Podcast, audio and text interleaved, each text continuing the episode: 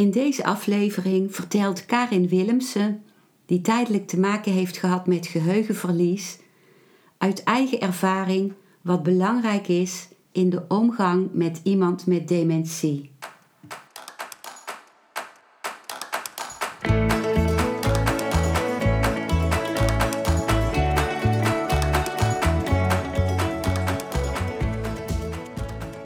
Welkom bij een nieuwe aflevering van Modita's podcast Van Pijn naar Zijn. De podcast waarin ik je meeneem voorbij de pijn in je leven naar wie je diep van binnen bent. Hoe kun je beter omgaan met je gevoelens? Hoe vind je rust in je hoofd? Wat zit er precies achter je pijn? En vooral, hoe kun je steeds meer jezelf zijn? Adem eens diep in en uit. Ik wens je veel luisterplezier.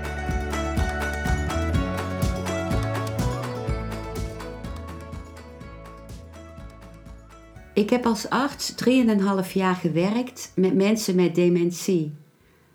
En ben altijd heel blij geweest met inzichten en ervaringen die bijdragen aan het begrip voor de mens die te maken krijgt met dementie. Ik was dan ook heel blij toen ik Karin Willemsen ontmoette. Iemand die haar geheugenverlies na kan vertellen omdat het bij haar tijdelijk was. Ik beveel je van harte aan om ook de vorige podcastaflevering te beluisteren, waarin zij vertelt over haar ervaringen met geheugenverlies. In dit interview vertaalt Karin haar ervaringen naar de omgang met iemand die dementie heeft. Naast dat zij ervaringsdeskundige is op gebied van geheugenverlies, heeft ze al ruim 28 jaar in de ouderen- en gehandicaptenzorg gewerkt, in verschillende functies.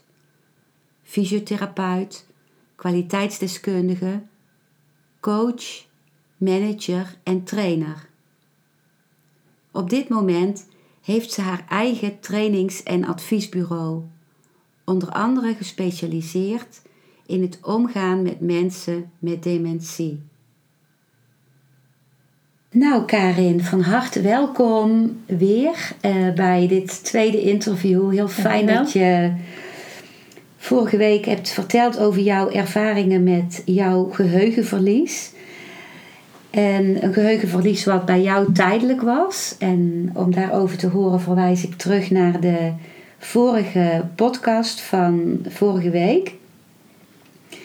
De vorige aflevering. En waar ik het met jou over had in het nagesprek bij het vorige interview was de, uh, de vraag die bij ons opkwam van is elk geheugenverlies wel dementie? Want jij had heel veel uh, uh, verschijnselen van dementie, handelingen niet meer goed uit kunnen voeren en heel veel andere verschijnselen waarbij je achteraf dus geen dementie bleek te hebben. Ehm, hoe zie jij dat? Nou, als je kijkt inderdaad van eh, wanneer spreken we van, van dementie? Veel mensen denken dat dementie een, een ziekte is en eigenlijk is uh, dementie een syndroom. Dus als je een groep of meerdere symptomen naast elkaar hebt, dan spreken ze van het syndroom dementie. En waar hebben ze het dan over als je naast geheugenverlies ehm, ook nog oriëntatieverlies hebt? dus niet meer weten waar je bent of mensen niet meer goed herkennen. Kun je moeilijker handelen. Uh, herken je voorwerpen soms niet meer. Dus als die naast elkaar voorkomen, dan spreken we van een syndroom uh, dementie. Ja, dan kun je zeggen, ja, behalve dat ik voorwerpen nog precies herkende, heb ik alle andere symptomen gehad. dus voor mijn gevoel heb ik dementie gehad. Maar goed, als een arts zegt, je spreekt pas echt van dementie als het niet meer overgaat, ja, dan heb ik het niet gehad. Hè, als dat criterium erbij hoort. Want ik heb het geluk er weer uh, gehad er weer van te kunnen herstellen. Mm -hmm. Maar uh, tijdens dat jaar en zeker daarna, dus ik werd me echt na mijn herstel pas bewust hoezeer het, het gelijk is aan eh, mensen met dementie. En vooral als ik eh, jonge mensen met dementie, die ik nu veel ontmoet en volg. Ehm, ja, als ik die verhalen hoor, dan zit daar zoveel in wat ik herken. En dan zit er ook iets heel universeels in onze ervaringen. Dus ehm, ja, voor mezelf denk ik, ja, ik ben er in ieder geval, uh, ik, ik heb het van binnen ervaren. Mhm. Zo zie ik dat eigenlijk. Dat- En, eh, en dat geluk gehad, want als, eh, dementie, als je pas dementie hebt, dat is niet meer eh, hersteld. Betekent dus ook dat mensen achteraf daar niet meer zelf op kunnen terugkijken. En als jij mij in dat jaar had gevraagd. Dus ik had bijvoorbeeld vorige week nog een gesprek met een, eh, met een vriendin over. Ja, hoe hebben we jou toen ervaren? Eh, dan vroegen mensen ook hoe gaat het met je?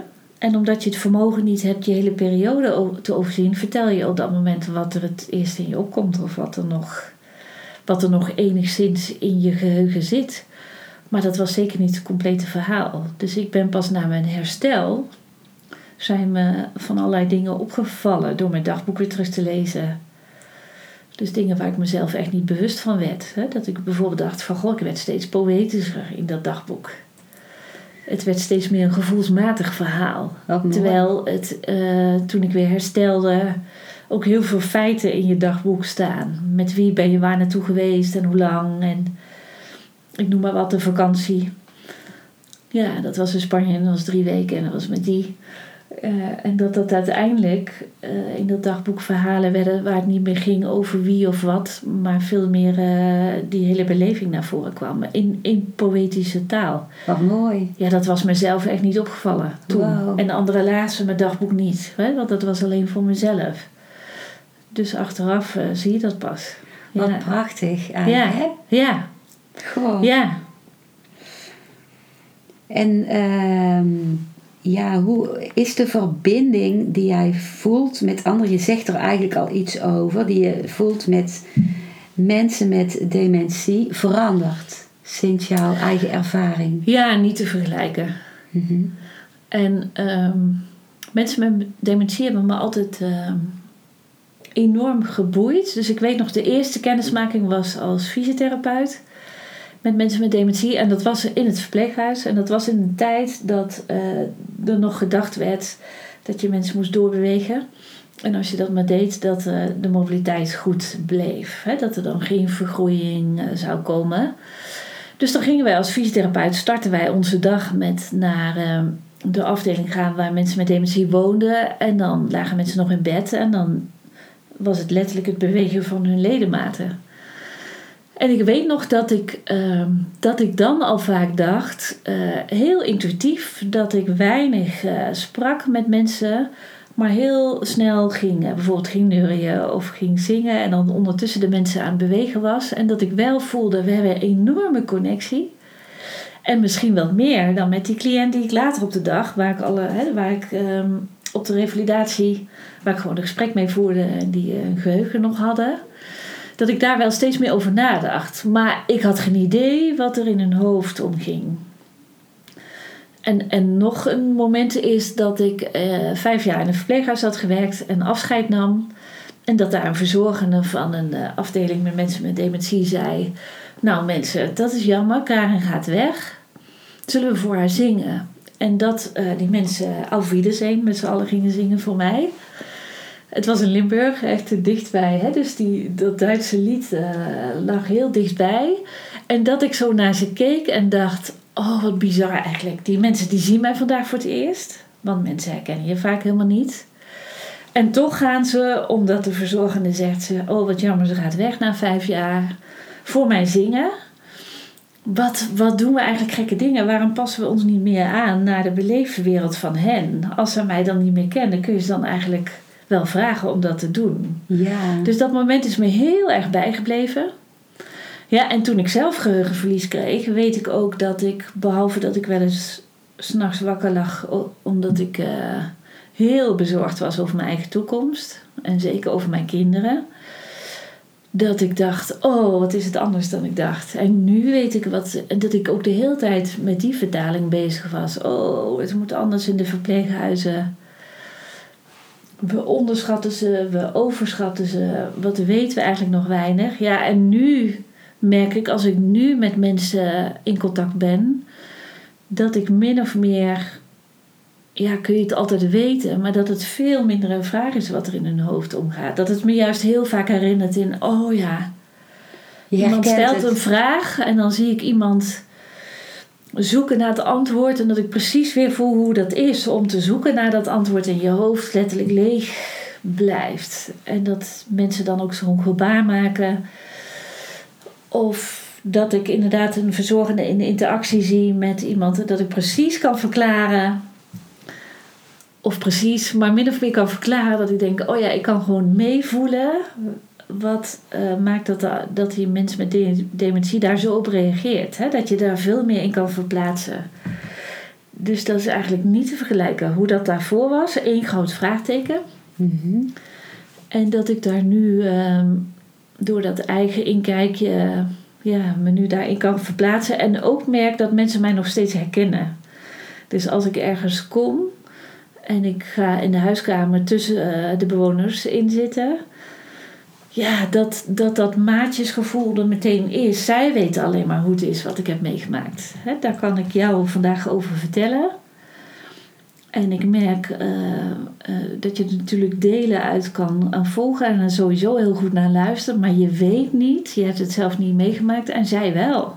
Ja, dus, dus met hen ben je echt verbonden. Ja, en dat ik me ook nog altijd een van hen voel. Overal mhm. waar, als er op tv iets is over mensen met dementie of er is een boek of ik ehm, hoor iets over een bericht in de krant, dan gaat het ook nog steeds een beetje over mij.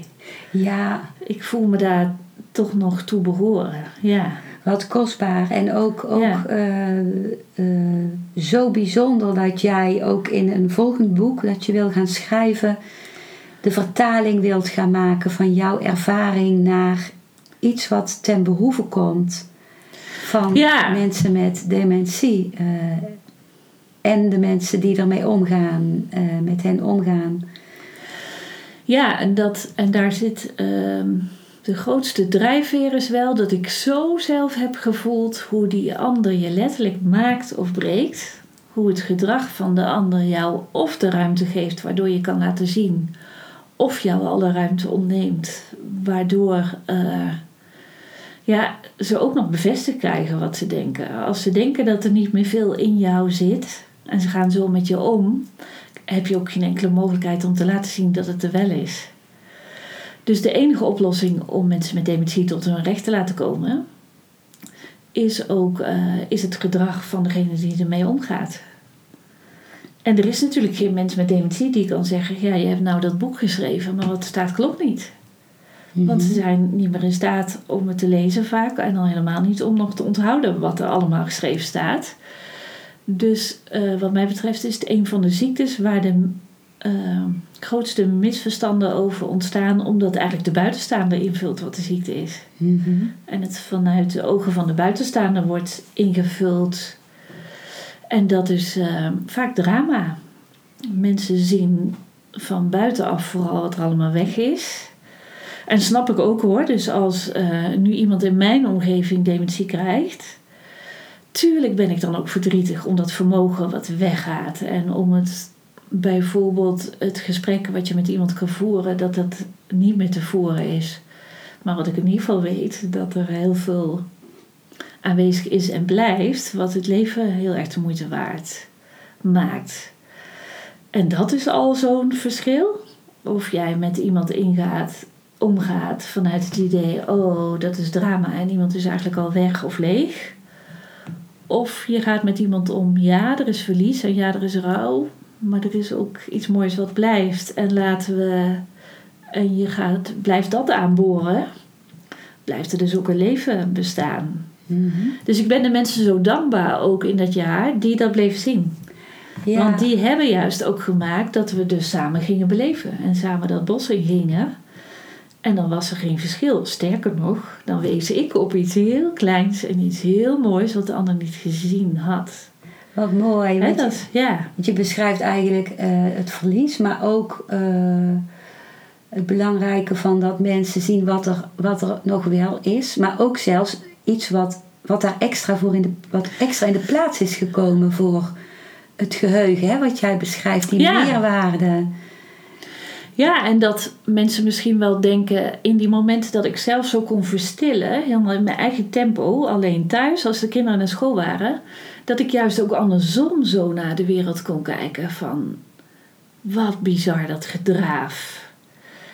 Eh, juist helemaal niet met eh, een soort weemoed dat het dat. eh, of met dat je dacht, goh, ik ben bijna jaloers op die ander, maar dat ik er ook een beetje medelijden mee had. Dat ik echt niet. eh, en natuurlijk, ik wilde graag meedoen en ik wilde heel graag weer werken. Maar ik, ik keek opeens ook anders daarna. Dat ik dacht, jee, wat een.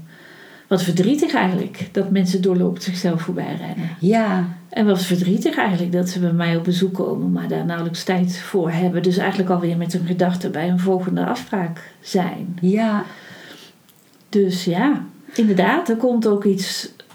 En nu ben ik inmiddels ook wel van overtuigd.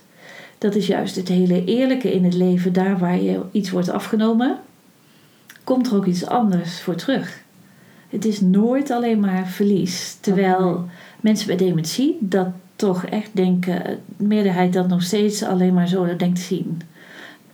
Mensonterend. eh, ehm, wat stond er laatst in de krant? 70% van de Nederlanders denkt dat het leven niet meer eh, zinvol is als je dementie hebt. Alleen dat vind ik al een verdrietig gegeven. Want zo, Mhm. met die blik kijk je dus naar die ander. mhm.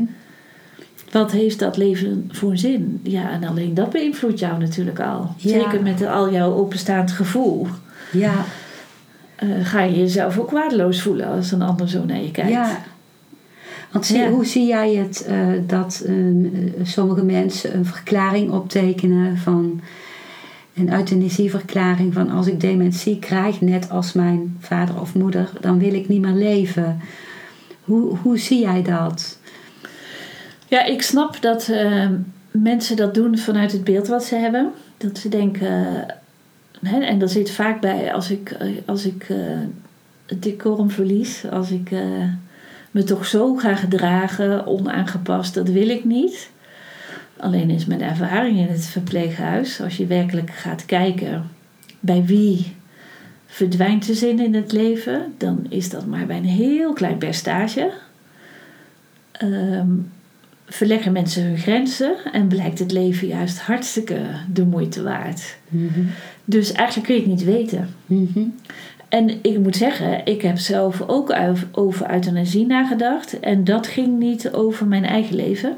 Dat ging er niet over, dat is straks voor mij niet meer de moeite waard. Maar dat ik niet kon leven met het idee dat, mijn dat ik mijn kinderen niet zou gaan herkennen. Hmm. Voor hen.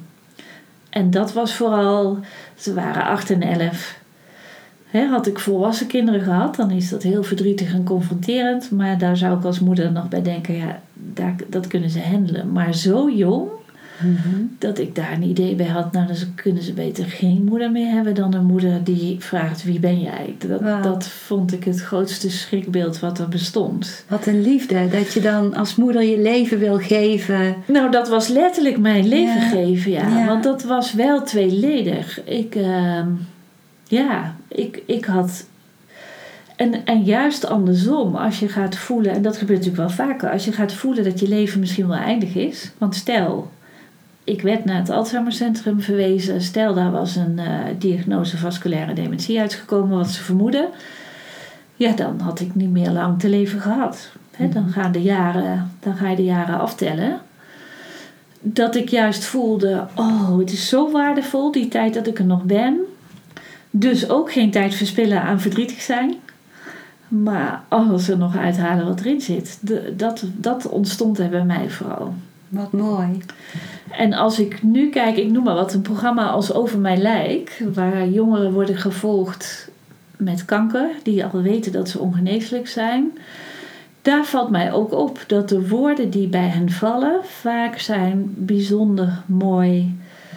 Omdat die jongeren zelf vertellen over diezelfde intensiteit. Ineens beseffen dat, dat partners nog tegen elkaar zeggen: de meest bijzondere tijd hebben we in die laatste weken gehad. Dat was zo intens. Terwijl iemand uh, hartstikke ziek is, pijn heeft, heel veel dingen niet meer kan, ook moet leven met het idee dat hij doodgaat. En toch hebben we daar hele andere taal bij als bij uh, dementie, terwijl daar zoveel vergelijkbaars in zit. En dat heeft volgens mij te maken dat die jongeren daar hun eigen taal aan geven en dat iedereen dat nu volgt. Maar dat bij dementie uh, de buitenstaander de taal maakt. En, en je, kan, je, je kan niet weten hoe het is. Hmm, wat kostbaar. Ja. Dat je dit deelt. Want jij hebt ook heel veel uh, lezingen al gegeven hè, hierover. Uh, en uh, ja, waarbij je terughoorde van de partners van de mensen met dementie, dat het, dat het, het volgen van jouw lezing heel veel verschil had gemaakt voor hen in de omgang met hun uh, partner met dementie. Kun je daar iets over vertellen, wat je daarvan terugkreeg? Ja, daar zitten wel verschillende voorbeelden in. En een hele recente die ik me nog herinner is dat een dochter, uh, een vrouw, uh, vertelde over haar moeder. En naar mijn lezing luisterde en ten eerste al zei: Goh, het is zo hoopvol. Want ik kon alleen nog maar verdrietig zijn als ik bij mijn moeder was, omdat ik die aftakeling zag en het verval. Maar ik hoor ook een andere kant. En uh, later liet zij mij weten. Dus toen stuurde ze mij een mail van... Uh, ik, ik zie, je hebt mij mijn moeder weer teruggegeven. Wow. Dus alleen al door dat uh, te weten als ze op bezoek was... maar het is niet alleen maar verdrietig. Ze kan het ook fijn hebben. Ja, als je natuurlijk met die verwachting bij moeder zit, zie je ook ineens weer van, oh ja, maar inderdaad, ze zit nu een persik te eten.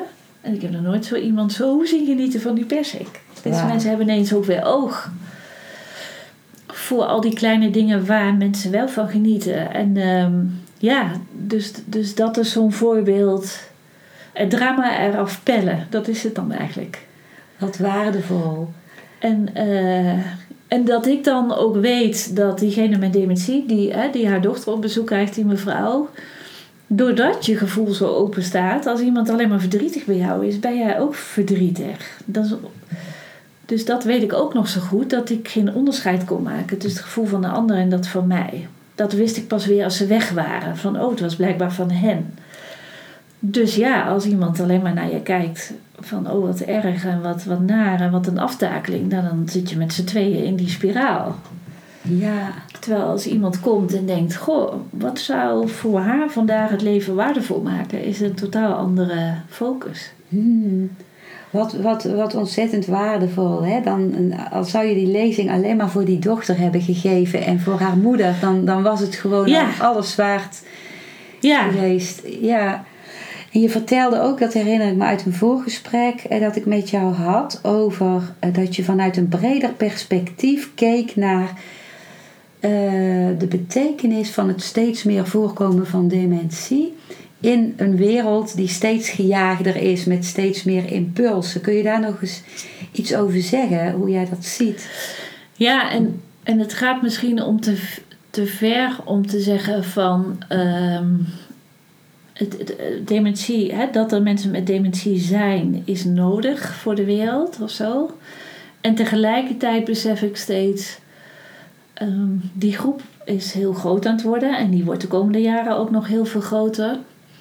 Dat het ons zo erbij houdt. Dus voor mij geldt eigenlijk dat ik door mensen met dementie, als ik tussen hen ben, zo in het hier en nu wordt gehouden en als je kijkt hoe de maatschappij tegenwoordig is, en al helemaal met alle social media, en dat we vooral heel veel in woorden met elkaar uitwisselen, hè, dat is allemaal taal, maar dat is eigenlijk ook allemaal ratio.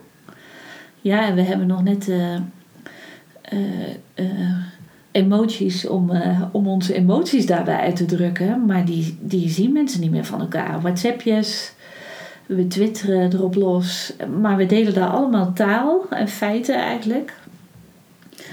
En, uh, en, en de wereld versnelt enorm. En dat ik me zo realiseer, ja, juist door de mensen die stilstaan in het hier en nu, word je erbij gehouden en kom je ook tot de essentie. Ja. Waar gaat het nu eigenlijk om? En dat gold ook voor mezelf, op het moment dat je in een carrière zit en die carrière gaat, mensen vinden je goed, dan word je ook aangemoedigd en opgestuurd naar nog meer presteren. Maar is dat nou eigenlijk de waarde van het leven? He, dat je later kan zeggen, is dat nou wat je, hoe je herinnerd wil worden als die hele goede manager Ja, of als die hele goede moeder? ja Eh, wat, eh, wat, ja. wat, wat waardevol. Ik herken dat wel van toen ik als arts in het verpleeghuis werkte. Dat die ervaring van als ik daar binnenkwam, dat ik in een ruimte kwam van hier en nu. En dat ook een vrouw die zich eh, haar naam niet meer wist, dat die zich toen aan mij voorstelde en toen zei ze: Ik ben.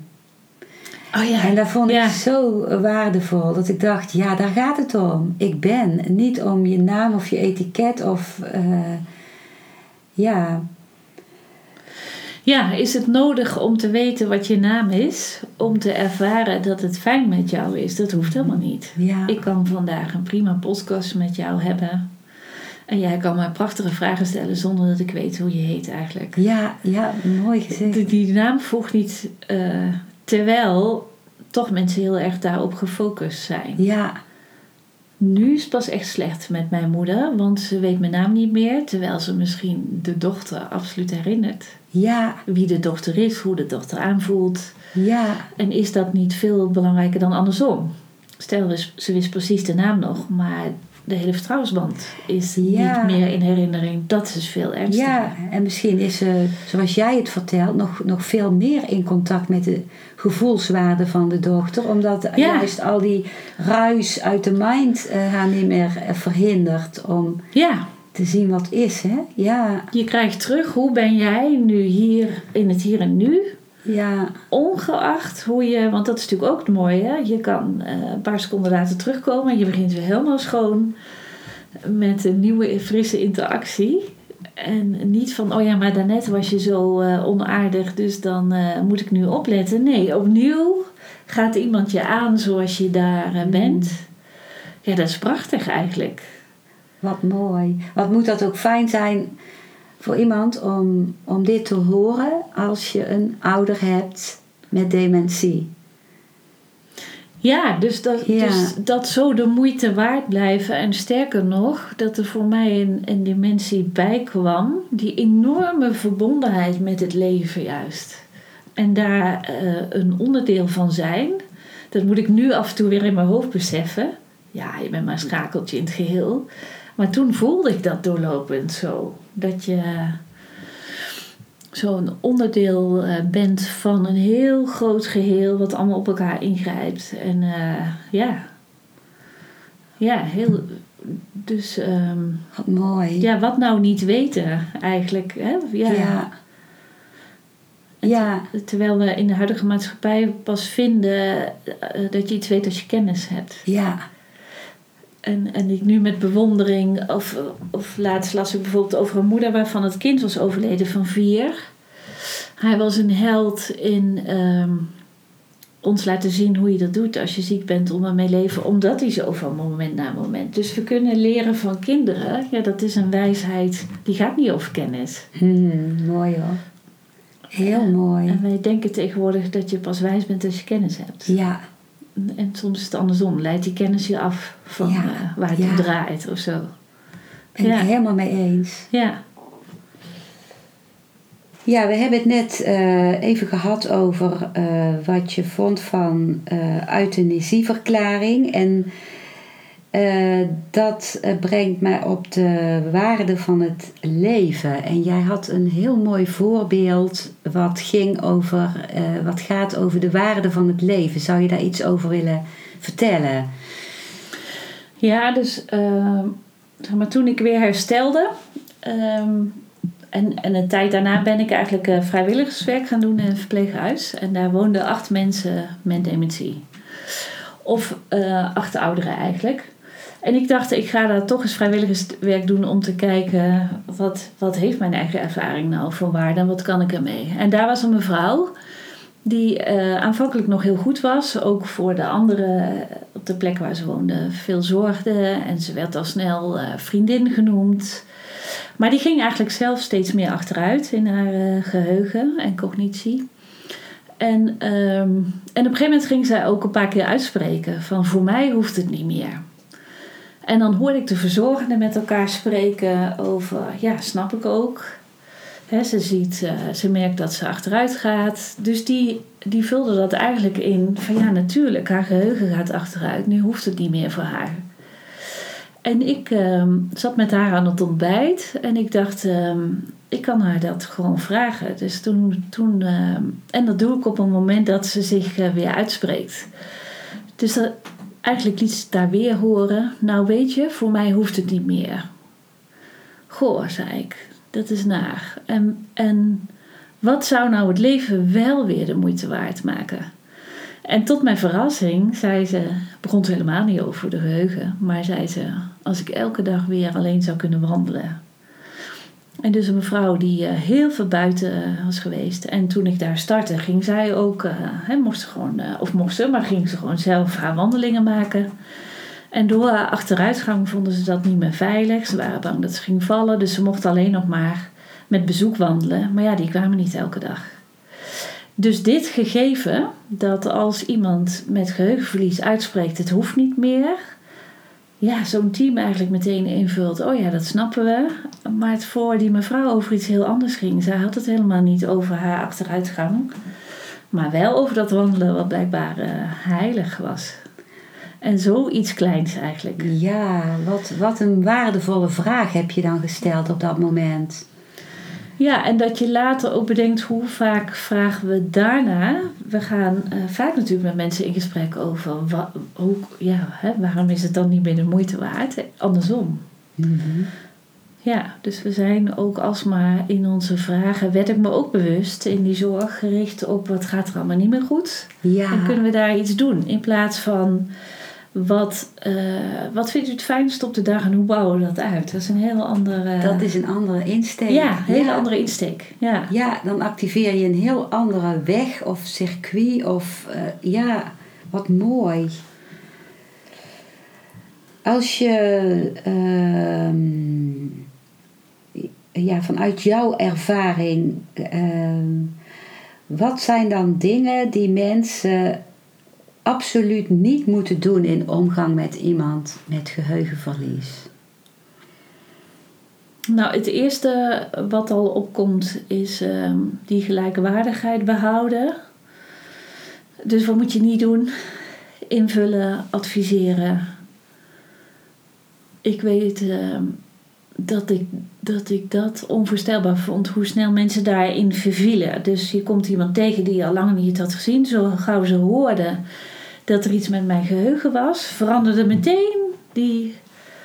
Nou, verloren we meteen de gelijkwaardigheid. En voordat je het weet, heb je een aantal adviezen te pakken. En ik zeg mensen wel eens tot aan de tv-programma's toe, wat ik wel en niet moest kijken. Of vergeet dat werk nou maar.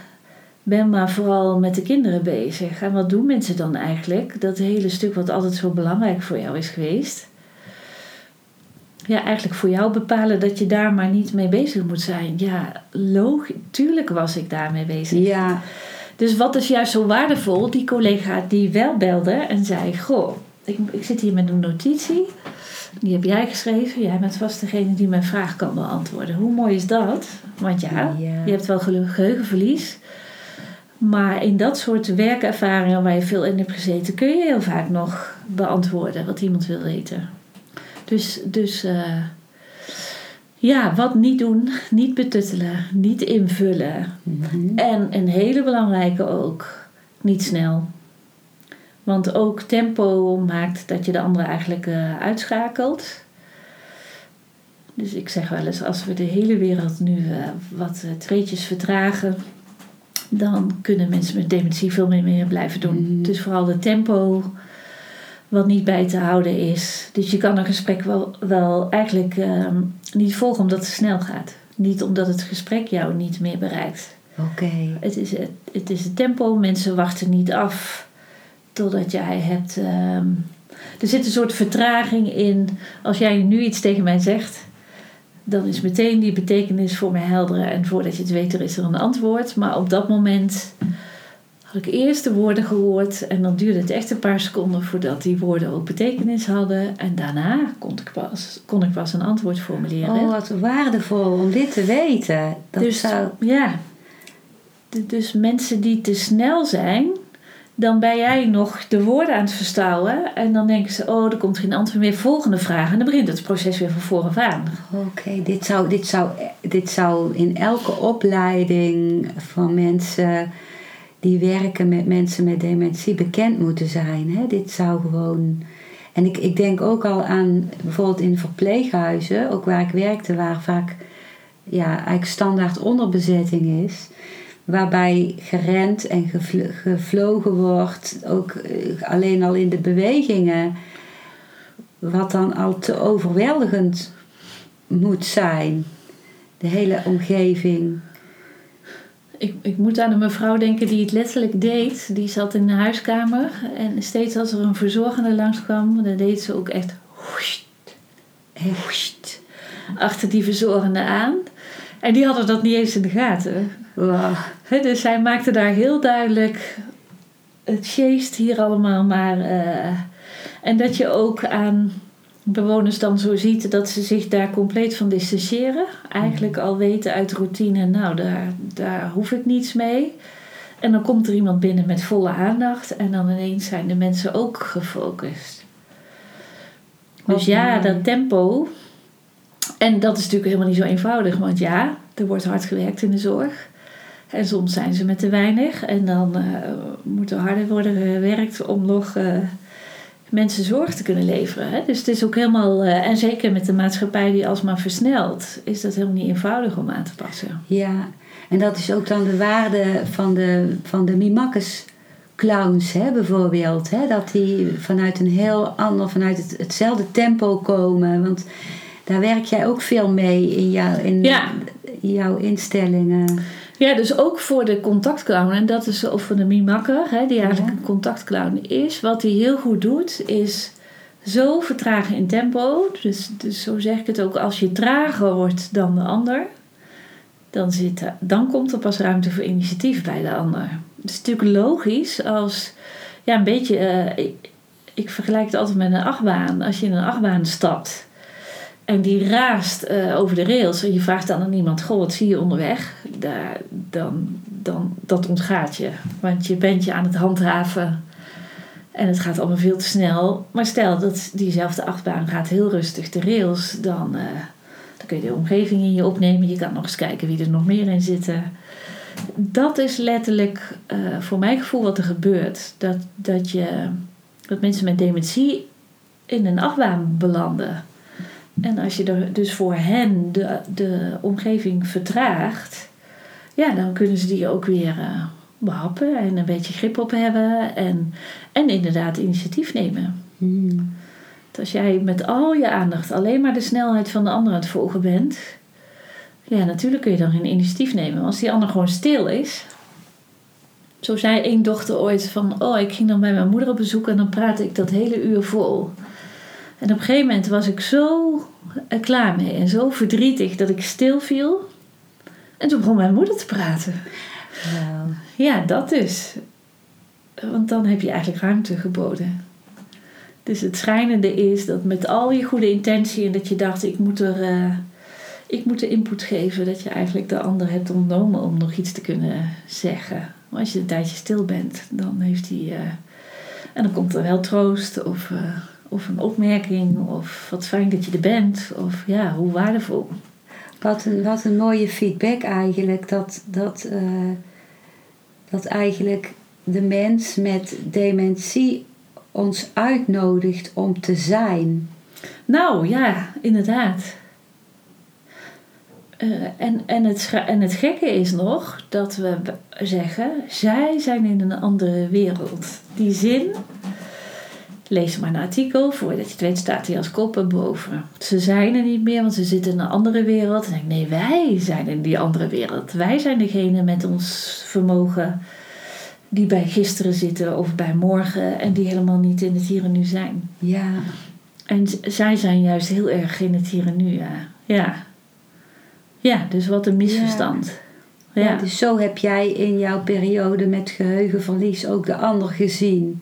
Als zijnde in een andere wereld die maar voorbij stoof. En Ja, nou, eh, ben maar hier. Hè? Een beetje dat gevoel. En dat heel weinig mensen dat zijn. En dat ik ook wel hè, natuurlijk steeds meer begrijp dat het ook over lef gaat. Want degene die dat wel deed, ja, dan ga je de ander natuurlijk ook, die ging op mij echt aan.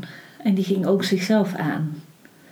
En die ging ook zijn ongemak aan. Want dat, dat is natuurlijk allemaal heel logisch dat dat erbij, eh, dat je je ook ongemakkelijk voelt als iemand voor de derde keer hetzelfde verhaal begint, ja, wat doe je dan? Maar als je gewoon open kan zijn over dat ongemak, wordt het al een. eh, Dus Ja. mensen rennen ook daarvan weg. ja.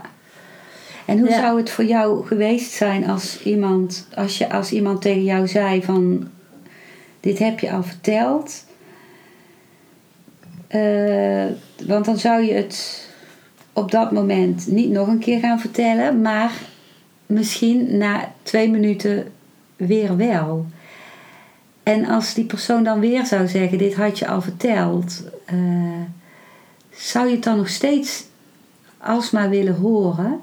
Eh, Nee, dat wordt natuurlijk heel pijnlijk. En Ja. ik denk dat dat ook ertoe leidt dat je niets meer durft te zeggen. ja, Maar ik denk waar het mij over gaat, als de ander zegt: Goh, ik merk, en misschien minder, eh, minder direct van: Oh, wat je nu gaat vertellen, heb je al verteld. Maar dat je op een gegeven moment zegt: Goh, ik merk.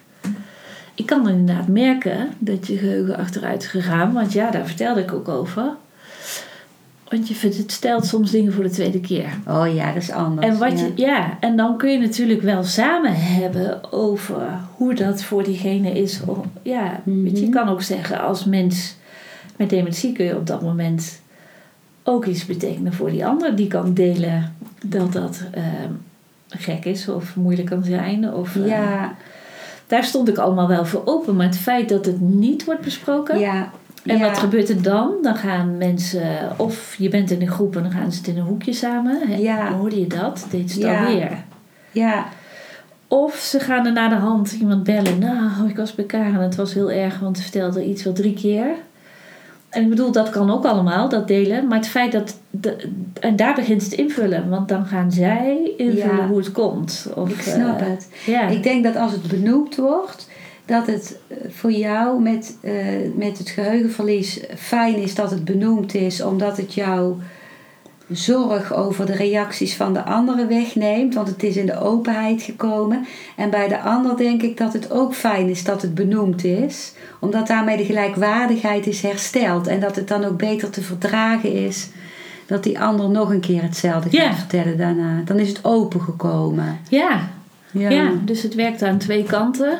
En het gaat denk ik over eh, dingen bespreekbaar houden. Mensen hebben zo snel het idee, omdat je geheugenverlies hebt, dat de meest normale vragen niet meer gesteld kunnen worden. Of ze kunnen Mhm. natuurlijk ook vragen: wat zou je willen dat ik doe? Ik merk Ja. dat je soms dingen herhaalt doordat je vergeten bent dat je het al verteld hebt. Wat vind je fijn dat ik doe? Ja, wat, wat mooi. Ja, In plaats, eh, ja, omdat dat risico van met elkaar praten, daar zitten ehm, de misverstanden. ja, Hey, bijvoorbeeld, ik was op een gegeven moment aan het, eh, en ik weet niet of ik jou dat eerder heb verteld, maar toen was ik aan het schilderen. Want ja, met mijn handen kon ik natuurlijk nog steeds van alles. En, eh, en ik bedacht, oh ja, ik ga kuppensoep maken. En wat er toen gebeurde, is dat ik probeerde om die kuppensoep op te lossen. Dus ik schonk geen water in mijn mok, maar terpentine. Die daar stond voor mijn verf. En ik gooide die kuppensoep erin en zag toen natuurlijk meteen, die lost niet op, er klopt iets niet. Ja, dus ik ging er ook aan ruiken en dacht, oh, wat stom. Dus dat gaat over alertheid. En dat ik me toen realiseerde, ja, als hier iemand was bij geweest, die gaat meteen denken, ze weet niet meer hoe het werkt. En dat wist ik wel. Maar je alertheid is, je bent niet scherp genoeg om. Hè, je hebt twee dingen naast elkaar en je handelt door elkaar. En je registreert niet dat je de terpentine in de mok giet. Maar ik wist echt wel dat die Ja. niet in de terpentine hoorde. ja, En dat is een beetje wat ik bedoel met al dat invullen. Dingen in de koelkast vinden die daar niet horen, gaan mensen meteen zeggen: ze weet niet eens meer dat de sleutels niet in de koelkast horen. Jawel, dat weet je heel goed, maar je hebt kaas gekocht En je bergt met de kaas, omdat je geen twee dingen tegelijk kan, de sleutels Ja. ook op. Ja, Je kan niet bedenken, oh ja, en die sleutels horen daar niet in. ik snap het. Dus En zoiets kan mij ook nu al overkomen. Ja, dat ik ja. in één keer iets denk van... Jeetje, ik zou toch geen dem- dementie krijgen of zo. Dat ik iets zomaar heel ergens anders heb neergezet. ja, Dus dan is er ook een schakeltje, eventjes een verbinding niet. Of, of je gaat in een ander automatisme mee. Want ja in- precies, in een automatisme mee. ja, Even geen alertheid, want je bent te moe om Ja. alert te zijn. Maar dan zal niemand denken, ja, Hè? Maar zo gauw ze weten er is geheugenverlies, begint ook. En dan gaan ze met- met elkaar fluisteren. ja. Dus ik weet nog dat een van mijn vriendinnen dat ook als een sensatieverhaal heel veel had gedeeld. En weet je wat ze deed? En natuurlijk, ik snap dat het indruk maakt, maar ik wist zelf ook dat het daar niet hoorde Mhm. of zo. Ja, En, en dat is denk ik wat ik bedoel, gewoon open houden. En alleen al als mensen merken dat dementie begint, begint de eerste omtrekkende beweging al, dat Ja. ze met de partner gaan bespreken. Of, want je kan zelf niet weten, hè, soms merk je natuurlijk dingen zelf niet op. En dan zegt ze bijvoorbeeld: Mam, heb je geen last? eh, volgens mij is jouw geheugen verminderd. En moeder reageert met: eh, Nee, helemaal niet. En hup, weg zijn mensen. Meteen denken ze: Oh, ze wil het niet weten. Ze Mhm. vindt het te confronterend. Of ze verbloemt. Ook al zoiets. Hè? Dat mensen eigenlijk al verwachten dat je gaat verbloemen. Terwijl jij het gesprek niet voortzet. Dat je zegt: Zou het kunnen zijn dat jij het niet merkt? En dat ik toch signalen zie van dat het geheugen is veranderd. Dan krijg je een heel ander gesprek. mhm. Tuurlijk kan iemand dan zeggen, nou daar heb je gelijk in. Ja, want hoe kan ik nou eigenlijk merken als ik zelf iets vergeet? Mhm. Begin zo'n gesprek. En, dat is, Mhm. en ik merk bij de eerste beste reactie gaan mensen omtrekken, met anderen erover praten. Zelfs al met de huisarts praten zonder dat ze met hun partner. eh, ja, ja, dat je uit contact gaat. ja, persoon uitkomt. zelf. Dat is het letterlijk. Ja, Terwijl, ehm, ja, dat gebeurt bij, bij eh, dat gebroken been niet. Hè? mhm, ja, ja. Ik begrijp het. En jij, bent, eh, jij was eh, alleenstaande moeder op het moment dat jij dat geheugenverlies eh, had. Eh, dus ik weet niet of je antwoord kunt geven op deze vraag. van, eh, want ik ben benieuwd naar welke boodschap jij zou willen meegeven aan partners van mensen met geheugenverlies. Als je je voor zou stellen dat er een partner zou zijn, wat zou voor jou belangrijk zijn in jouw periode met geheugenverlies? Dat de partner wel of niet zou doen? Nou, één ding is voor mij heel duidelijk, is dat je de ander eh, ruimte geeft om te handelen. Dat is letterlijk, eh, ik was daar achteraf zo dankbaar voor bij mijn kinderen. Dat mijn kinderen, doordat hoe kinderen zijn, die zijn helemaal niet bezig met het eten moet om zes uur op tafel. Als je maar op een gegeven moment gaat eten en als dat wat later is, maakt het allemaal niet uit. Terwijl ik me realiseerde later, een partner had het niet aan kunnen zien dat het zo lang duurde. Die was gaan overnemen. Dat is natuurlijk over het algemeen wat er gebeurt. Of meteen denken, dit is gevaarlijk. Oh jee, koken en vuur. Oh nee, moeten we niet doen. Dus, dus dat zou eh, voor mij het allerbelangrijkste zijn. Als partner ehm, ja, de ander ruimte geven om te handelen. Waardoor die eh, dingen nog steeds eh, voor elkaar krijgt. En daar zit natuurlijk dat hele stuk eigenwaarde. En doordat je je eigen waarde behoudt, wat mij thuis met mijn kinderen heel goed lukte, blijf je ook zo lang mogelijk presteren. Dus zo gauw een partner in de keuken erbij gaat staan, die denkt: Weet je wat, dat doe ik dan maar voor de zekerheid.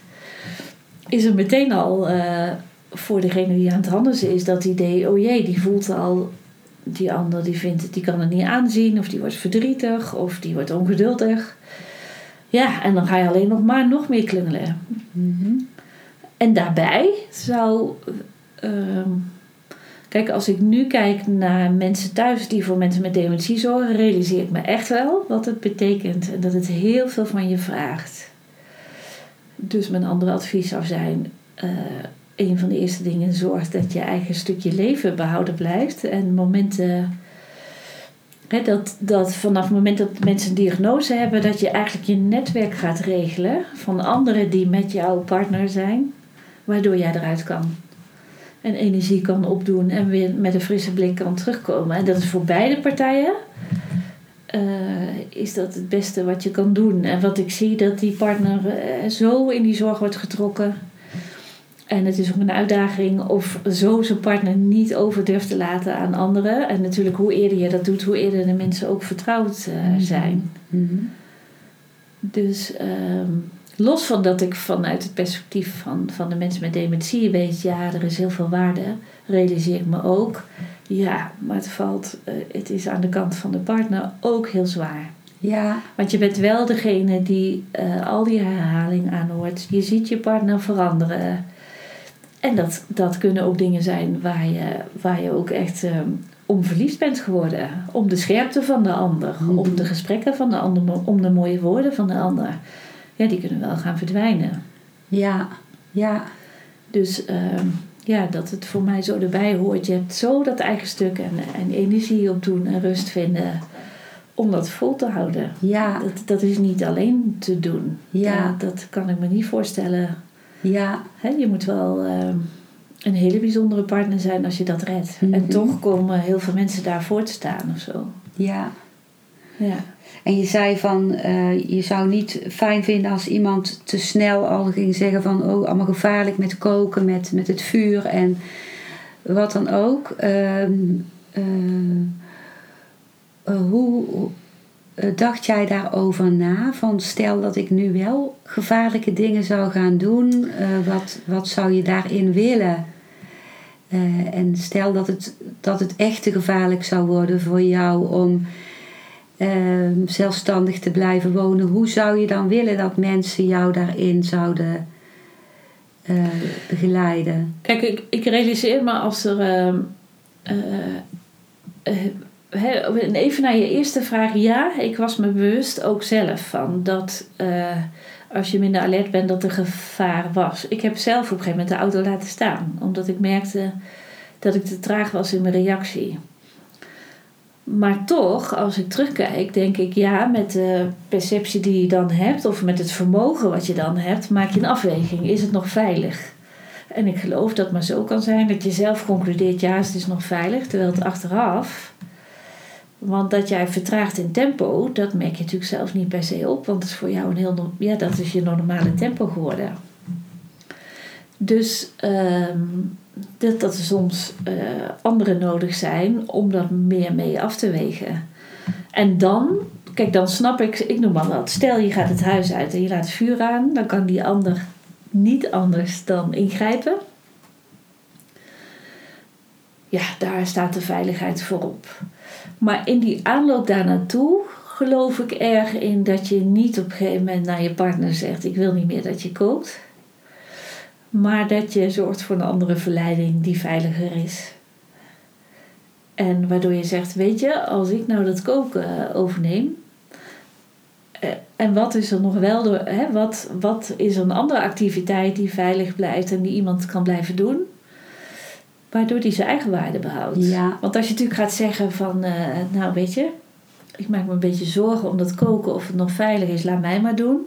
Ja, neem je alleen maar wat af. Ja, ja, En dus, maar goed, weet je, ik geloof ook, zonder confrontatie gaat het ook niet. Die zijn er gewoon. mhm, En die heb je als mens met dementie al, want je rouwt natuurlijk even goed om je eigen aftakeling.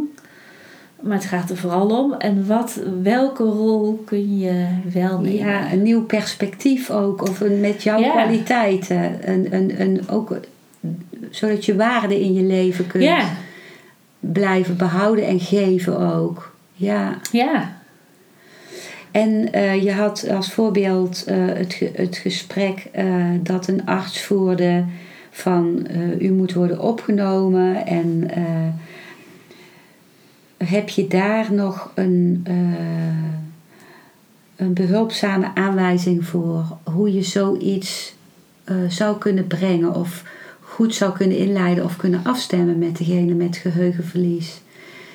Als er echt opname ja. nodig Ja, voor mij, eh, voor mij was het nog niet zo ver, maar wel op het moment dat het werd ontdekt, was ik daar niet meer ver van af. Hè? Realiseerde ik mezelf, oh, ik kan zo echt niet meer lang voor mijn kinderen zorgen.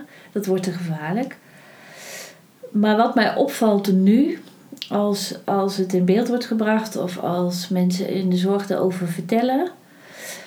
Uh, mensen worden als een verrassing naar dat verpleeghuis gebracht. Hè? Dus uh, het wordt niet verteld, want ze willen niet. Dus we gaan het niet vertellen, want anders komt er weerstand. Dus we verleiden ze met een smoesje de auto in en vervolgens brengen we ze naar het verpleeghuis. Dat vind ik echt een van de meest dramatische dingen die je kan mm. doen. Want je neemt inderdaad niet weg dat het vreselijk is. Eh, dus, dus, maar waar ik erg in geloof, dat je het wel aangaat. Ja. eigenlijk gewoon duidelijk maakt: het, het kan niet meer anders. Ik hou van je, maar ik red het niet meer om. om uh, ik, en het is niet goed voor jou. Ik, ik merk dat ik het niet red. Dus ik kan niet anders dan deze keuze maken. Maar jee, wat, wat is dat ja. naar voor jou? ja, dan kan iemand het ook nog kwijt. Maar nu verleiden we ze met alsof er iets leuks komt. En vervolgens, uh, soms zie ik ook nog, is ineens de partner weg. En zijn mensen daar op de plek met de zorg. En dan moeten ze daar maar gaan wennen. Ja, dat is een, dat is een trauma. Mm, ja. En het is ook al een trauma. En onthouden ze, weet je, het andere is natuurlijk als je te ver van tevoren vertelt. Nou, morgen breng ik je naar het verpleeghuis kan best zijn dat ze het juist heel erg herinneren omdat er zo'n schok bij Maar het kan ook dat ze het weer kwijt zijn. Mm Dus natuurlijk kun je niet anders dan op het moment dat je gaat het vertellen. En dan mhm. een paar keer laten vallen dat je erover nadenkt. Maar ik geloof ook hierin het erg op tafel houden. Ja. En ook duidelijk maken dat, dat het vreselijk voor hen is. En dat het niet anders kan. Maar dat je realiseert hoe verdrietig dat voor die ander is.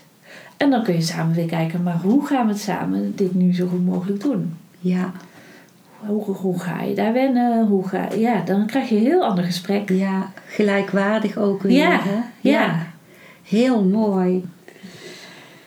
Nou, Karin, ik ben ontzettend dankbaar voor de, de grote rijkdom die jij hebt gedeeld in de beide interviews. En uh, uh, ja, voor mij ben jij zo'n belangrijke dementietalk. Iemand die wat degene met dementie ervaart, kan vertolken naar degene die die ervaring niet eh, hebben gehad. En ik wil jou vragen hoe mensen jou kunnen bereiken of en hoe mensen jou kunnen bereiken als ze vragen hebben. Ja, nou jij ehm, straks onder de podcast, want dan kunnen mensen het uh, ook zo terugvinden, komt mijn telefoonnummer, e-mailadres, een website. Ik vind het ehm, heel fijn als mensen heel laagdrempelig zijn in, in reacties. Hè? Gewoon hun vragen stellen of iets terug laten weten. En uh, dit is zo mijn missie eigenlijk. Hè? Dus ik zeg altijd, ja, tot, uh, ik geloof dat ik de rest van mijn leven bezig blijf om, uh, om iets bij te dragen aan begrip voor mensen met dementie. Dus ik zal ook het uiterste doen om vragen te beantwoorden. En daar waar, hè, waar het veel wordt om ook te organiseren dat mensen hun antwoorden krijgen. Ja, dit is, dit is waar ik voor wil gaan. En ik, um, ja, ik wil graag een stem voor mensen met dementie zijn. Dus uh, heel graag contact. Wat en, mooi. en vragen. Ja. Ik voel ook jou, jou, echt jouw liefde en intense betrokkenheid met mensen met, met dementie. En uh, ik zal zeker uh, jouw telefoonnummer uh, en het e-mailadres en de website in de beschrijving van deze podcast zetten. De website zal ik nu ook noemen. Dat is www.krachtinzorg.nu. Het boek wat Karin heeft, wat je hebt geschreven, Ontwarren daar is een aparte website eh, van en dat is www.ontwarren.nu. En daar vind je informatie over het boek en over alles rondom het boek. En ook kun je vanuit die website uh, dit kostbare boek kopen. En eventueel ook schenken aan iemand uh, waarvan je weet dat hij een familielid heeft met uh, dementie, of een kennis of vriend. Nou, Karin, ontzettend bedankt. Heel graag gedaan. En jij ook heel erg bedankt okay. voor deze mogelijkheid. Dankjewel voor het luisteren naar deze aflevering. Ik hoop dat hij je een nieuw inzicht of perspectief heeft gegeven. Ik hou van interactie, dus als je iets wilt delen, stuur me dan een mailtje op info.genietenvanmeditatie.nl. Ik geef je dan altijd antwoord. Ik wens jou dat je vreugde in het dagelijks leven zult ervaren en innerlijke rust. En dat je steeds meer je pijn zult kunnen omvormen in zijn. Je kunt de afleveringen van deze podcast volgen via Spotify, Google Podcast, Apple Podcast en Podbean door op de volg- of abonneerknop te klikken. Als je luistert via de Apple Podcast, dat kan alleen als je een iPhone hebt, heb je een extra voordeel. Omdat als je op de knop abonneren klikt, je steeds een berichtje op je mobiele telefoon ontvangt als er weer een volgende aflevering van mijn podcast verschijnt. Je bent van harte welkom bij die volgende aflevering.